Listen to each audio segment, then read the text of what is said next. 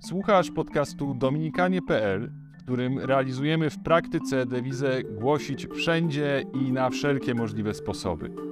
Ja nazywam się Radosław Więcławek, jestem redaktorem naczelnym dominikanie.pl i zapraszam Cię na odcinek serii Psychologia i Wiara, w którym dominikanin Tomasz Franz, który pracuje jako psycholog i psychoterapeuta, odpowiada na pytania przesłane przez naszych słuchaczy.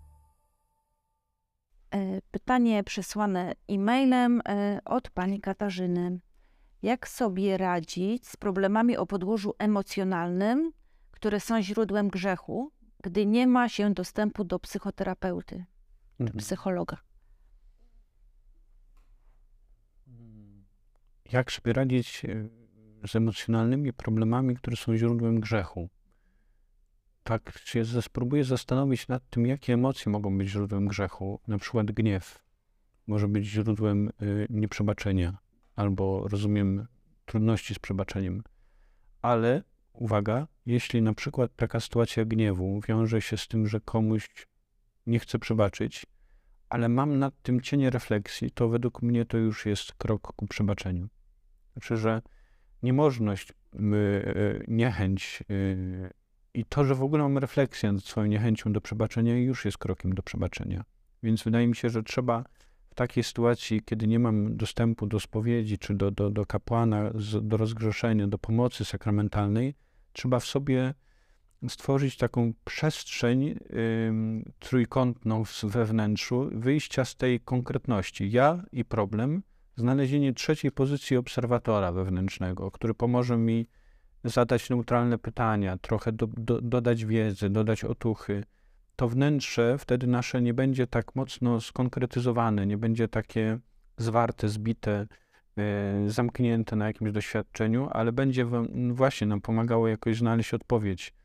Patrzeć może często nam w sytuacjach mm, emocjonalnej presji pomaga e, czas, pomaga też perspektywa przeszłości, myślenie o przyszłości, wydobywamy się z tej presji, którą emocje nam tworzą, prawda? Jeśli ktoś nas zranił, skrzywdził, chcemy jakiegoś odwetu, to przecież ta relacja nie zaczęła się tu i w tym momencie. Ona ma swoją historię. Kiedyś było inaczej. Możemy mieć nadzieję, że będzie inaczej. To też jest ta trzecia perspektywa, to, to trzecie spojrzenie, utrójkątowienie tej sytuacji. To zawsze pomaga w wyjściu z tej opresji konkretu. Ale trudno na, na to pytanie odpowiedzieć może bardziej konkretnie, prawda? Myślę, że tym kimś trzecim w naszym wnętrzu osoby wierzącej może być Pan Bóg. Może być ten, który no, zna odpowiedzi na, na nasze ludzkie trudności. Często zachęcam do czytania psalmów. One są pełne pasji emocjonalnej i, i życzenia dobrze i życzenia nie wiem, czy złorzeczące psalmy, prawda? Też tam jest dużo tej agresji, złości. No, złorzeczące nie w sensie, że komuś się życzy źle, ale ktoś wyraża trudne, bardzo bolesne emocje w tych psalmach. Ktoś, kto jest natchniony, ktoś, kto może powiedzieć, że to jest jego język miłości do Pana Boga. I zobaczmy, że psalmy w Piśmie Świętym pokazują, że Pan Bóg jest w stanie przyjąć naszą emocjonalność najbardziej zranioną.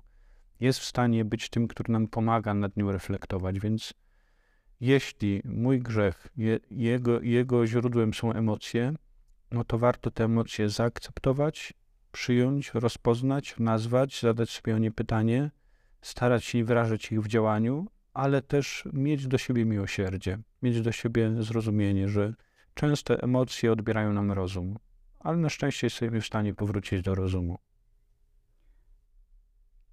Czyli tak naprawdę, jeżeli nie mamy dostępu do psychoterapeuty czy psychologa, e, czy osoby duchownej, zawsze mamy przy sobie Pana Boga i zawsze raczej mamy obok siebie też osoby trzecie, jakichś przyjaciół, rodzinę i myślę, że to też może być tym naszym trzecim biegunem. Oczywiście, że tak. Oczywiście ten trzeci biegun w postaci Pana Boga, przyjaciół, rodziny, lektury, y, modlitwy, refleksji jest istotny i bardzo ważny, jeśli nie mamy dostępu do psychologa czy psychoterapeuty, z tym, że y,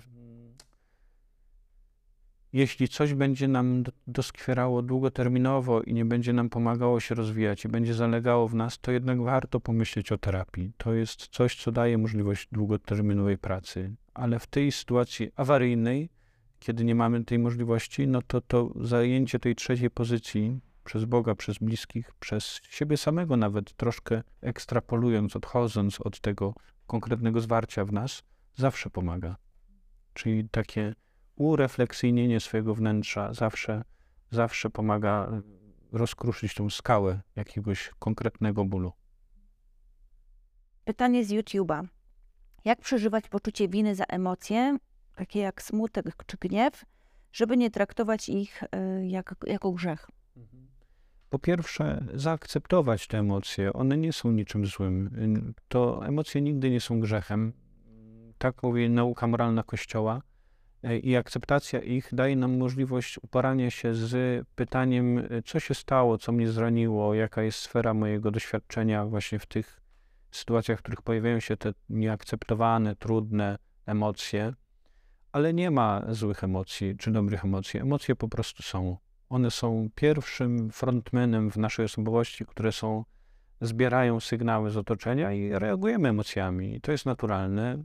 Trzeba mieć nad nimi refleksję, tym się różnimy od zwierząt, że emocje w nas są, nie są instynktami tylko, tylko złożonymi e, emocjonalnymi reakcjami.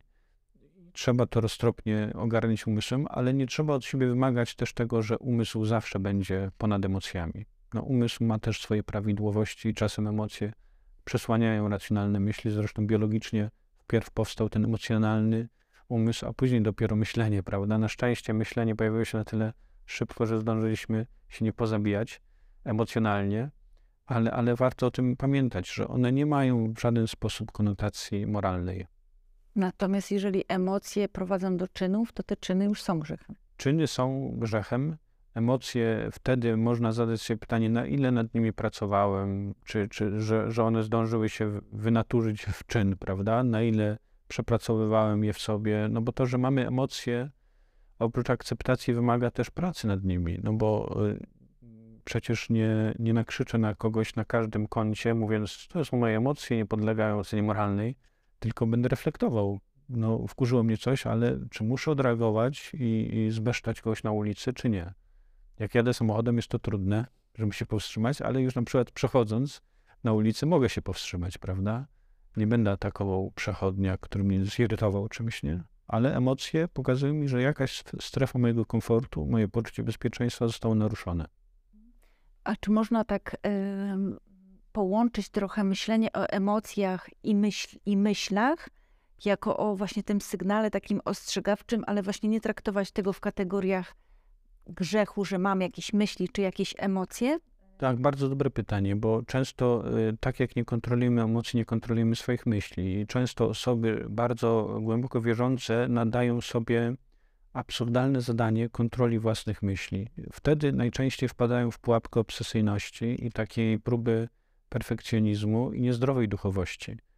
Moje myśli, podobnie jak emocje, zdarzające mi się myśli, pragnienia, y, nie wiem, rozproszenia, różne obrazy w myślach, fantazje, czy nawet skrajnie gniewne, czy skrajnie seksualne, one są tylko i wyłącznie znowu jakąś moją wrażliwością. One podpowiadają mi coś o moim tu i teraz przeżywanym wnętrzu. Jeśli kultywuję w sobie fantazjowanie seksualne i rozmyślam i karmię się tym i próbuję sobie zrobić z tego użytek, to już wchodzę w to świadomie. Ale jeśli mi się to pojawia, no to tylko jest wyłącznie być może sygnał nie ma o jakimś napięciu, może o jakiejś potrzebie, może o tym, że ktoś mi się podoba, o czymś naturalnym. Nie, nie trzeba wtedy, wtedy w sobie tego prześladować czy, ani się spowiadać. Ale czy warto wtedy y, zgłębiać trochę y, to, co było wcześniej, dlaczego ta myśl się pojawiła, czy ta emocja, czy, czy to właśnie o to chodzi, że czy to tak. jest zdrowe takie? Jest to zdrowe, jeśli, y, nas jeśli to jest coś nie, nie jednostkowego i powtarzają nam się pewne wzorce myślenia, pewne wzorce emocjonalne, to jak najbardziej wymagają refleksji. Wzorce są czymś stałym, i one mogą sprawić w nas, że zubożeje w nas świat emocjonalny i będziemy cały czas reagować tym samym albo taką samą myślą. Niepoddanie tego refleksji będzie sprawiało, że staniemy się niewolnikiem własnych emocji czy własnych myśli i nie będziemy potrafili tego rozpoznać na czas. E, pytanie z YouTube'a. Pytanie o korelację problemów psychicznych, takich jak depresja, nerwica, natręctwa, dyfuzja tożsamości, odwołanie do Eriksona, a pobożność i religijność. Czy są jakieś badania mówiące na przykład o tym, że osoby znerwicowane więcej i dłużej klęczą w trakcie modlitwy? Tylko przykład. I w jakimś sensie druga część pytania. Korelacja między wspomnianymi problemami, a byciem w grupie charyzmatycznej czy tradycjonalistycznej. Uwaga bardzo ważna. Nie pytam i nie poruszam powodów teologicznych. Jak też rozumiem, może też być tak, że charyzmatycy czy tradycjonaliści mm, statystycznie mają w swoich szeregach sporo osób z zaburzeniami. Ale jak rozumiem, pytanie czy dobrze wnioskuję, te zaburzenia nie muszą wpływać na ocenę merytoryczną w zakresie teologii i to teologia może być czynnikiem warunkującym wybór danej grupy czy sposobu przeżywania wiary, już tak upraszczając, a nie psychika, mimo nawet pewnego defektu psychiki. Mhm. Świetne pytanie i świetna odpowiedź. Wydaje mi się, że ta odpowiedź bardzo cenna i bardzo porządkująca, zadana tutaj przez, przez słuchacza, jest, jest istotna. Znaczy, że teologia sama w sobie może być czynnikiem warunkującym wyboru ścieżki duchowej, y, czy też jakiś y, korelującym z naszą predyspozycją osobowościową, ale nie musi być toksyczna. Natomiast zwróciłbym uwagę na parę rzeczy. Po pierwsze, korelacja zakłada zero przyczynowości i skutkowości. Korelacja jest zawsze jakąś zbieżnością obserwowalnych, doświadczalnych faktów, których możemy powiedzieć, że jeżeli coś się zdarza, to może się zdarzyć coś. Jest to pewnego rodzaju poparte hipotezą, ale nie jest to zawsze tak, jak będzie, tak będzie. Nie jest to przyczynowo-skutkowość i warto o tym pamiętać. To znaczy, że duchowość charyzmatyczna nie jest zła, bo tam trafiają osoby rozchwiane emocjonalnie. Nie, nieprawda. Duchowość tradycjonalistyczna nie jest zła, bo tam trafiają osoby usztywnione e, w swoim poglądzie. Nieprawda, ale do tej, do tej grupy religijności ciążą naturalnie osoby, które mają takie predyspozycje osobowościowe. Czyli do charyzmatyków będą ciążyły osoby, które bardziej w swoim doświadczeniu wiary szukają jakiejś ekspresji emocjonalnej, czy szukają wspólnotowości przeżywania, czy ekspresji e, ciała w swojej modlitwie, czy związane są, jest to z jakimś mm, doświadczeniem y, rozpoznawania, rozeznawania swojego wnętrzu, może jakąś zdolnością do pewnego rodzaju wglądowości w obszarze wiary. E, natomiast do tradycjonalistycznych ruchów będą prawdopodobnie mogą tam trafiać również osoby, które potrzebują jasnych odpowiedzi, pewnej klarowności, mają trudności z tolerancją wielości, różnorodności na zewnątrz, poza nie tyle kościołem, co budynkiem kościoła, która jest nie do uniknięcia w przestrzeni wiary, nawet dla osoby wierzącej. Będą tam trafiały osoby, które mają bardzo, mogą mieć bardzo surowe super ego, albo byśmy powiedzieli językiem religijnym sumienie, ale nie mylić superego z sumieniem. To jest inna sprawa. Czymś innym jest superego, które podlega procesom wychowawczym, a sumienie jest tym wewnętrznym doświadczeniem e, głosu Boga w naszym, w naszym rozpoznawaniu naturalnych instynktów, które nami kierują w prawie naturalnym, dostosowujemy to prawo Boże, ale to usztywnienie w sumieniu będzie sprzyjało właśnie szukaniu jakiejś wspólnoty, która daje jasne odpowiedzi, co jest dobre, co jest złe. Ten rytualizm liturgiczny będzie porządkował jakieś rozchwianie, może porządkować jakieś rozchwianie, będzie dawał też takie poczucie bezpieczeństwa, dawał poczucie jakichś e, granic potrzebnych w dzisiejszym świecie. Ale jeszcze raz powtarzam, ani jedna duchowość, ani dru druga duchowość nie jest zła. Natomiast warto mieć świadomość, że może zapraszać do udziału osoby o różnego rodzaju specyfice osobowościowej, ale także własnym rozchwianiu osobowościowym. Natomiast niestety nie znam badań na ten temat, co byłoby pasjonujące, żeby się z nimi zapoznać, ale też sądzę, że jedno i drugie środowisko może być na tyle hermetyczne, że trudne do zbadania. Pytanie z YouTube'a. Jaka jest różnica między dysocjacją a opętaniem? Jak rozróżnić problem duchowy od psychopatologii? Być może obie sfery się przenikają i na siebie wpływają. Mhm. Trudne pytanie, natomiast dysocjacja jest zawsze jakimś rozszczepieniem y, własnej tożsamości czy własnych, y, własnych myśli niezintegrowanych z emocjami, z przeżywaną rzeczywistością, w której mamy osadzamy się, jesteśmy z nim w kontakcie, mogą pojawiać się w nas omamy, urojenia, jakieś takie psychotyczne stany, mówiąc w taki sposób. Możemy mieć też takie poczucie rozdwojenia jaźni w skrajnej formie, czy jakieś dos, doświadczenie derealizacji, depersonalizacji, czyli poczucia bycia nie w tym miejscu, albo niemożności kontaktu ze sobą i tak dalej. Natomiast opętanie jest też kategorią psychiatryczną, warto się z nią zapoznać.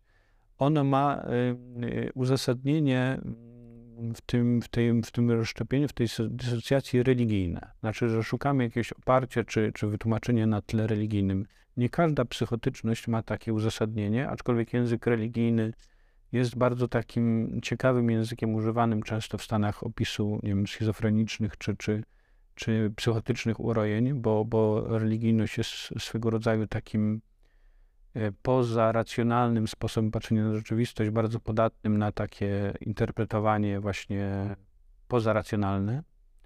Natomiast opętanie e, po pierwsze stosunkowo bardzo, bardzo, bardzo, bardzo rzadko rozpoznawane jako teologiczna kategoria. Po drugie, jeśli tam wchodzi ten wątek ideowy czy, czy światopoglądowy, religijny, to wcale to nie zwalnia e, osoby, która przeżywa ten stan, czy, czy profesjonalisty od użycia racjonalnych e, form pomocy w postaci farmakoterapii czy, czy psychoterapii.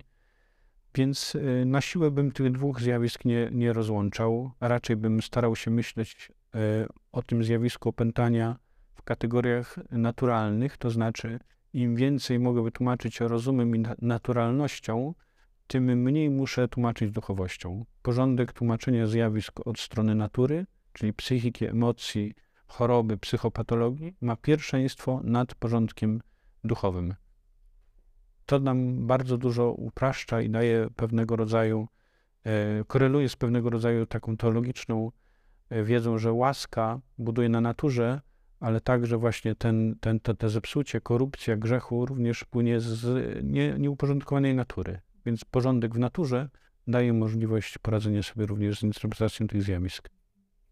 Czyli tak naprawdę najpierw sfera naukowa, tak naprawdę. A równolegle albo za chwilę po tym sfera duchowa, a nie odwrotnie, że najpierw od duchowości tłumaczymy duchowością pewne problemy psychiczne. Tak dokładnie, dokładnie tak. Wpierw i zresztą bardzo profesjonalnie prowadzone poradnie, w których pracują księża egzorcyści, właśnie tak polegają, że zanim ktoś trafi do nich w kontakcie, to przechodzi konsultację psychiatryczną, psychologiczną, ewentualnie skierowany do modlitwy egzorcysty, ale znowu ta modlitwa nie jest od razu takim y, filmowo-hollywoodzkim sposobem przeżywania, tylko jest jakimś modlitwą wsparcia wspólnoty, towarzyszeniem w jakimś trudzie emocjonalno-psychicznym tej osoby i nie jest takim uznaniem, mój kochany, nie masz problemów natury psychiczno-emocjonalnej, tylko duchowej, więc nie musisz się martwić, tylko jest wsparciem tej zdrowej części, czy od zdrowej części duchowości po to, żeby znowu wrócić do pracy nad psychiką, nad psychiką i nad emocjami. Czyli znowu to połączenie psychologii i wiary, które się fantastycznie uzupełniają tak naprawdę. Tak, aczkolwiek z pierwszeństwem w, psycho, w, w, sytuacji psychopatologii dla psychologii, czyli dla tego empiryczno-doświadczalnego zajęcia się problemem psychiatrii, psycho, psychologii, a później ewentualnie, ewentualnie wsparcia y, modlitwą. Jeśli nie będzie to szkodliwe dla procesu leczenia psychiatryczno-psychologicznego. Ta seria nie powstałaby bez wsparcia patronów. Dziękujemy.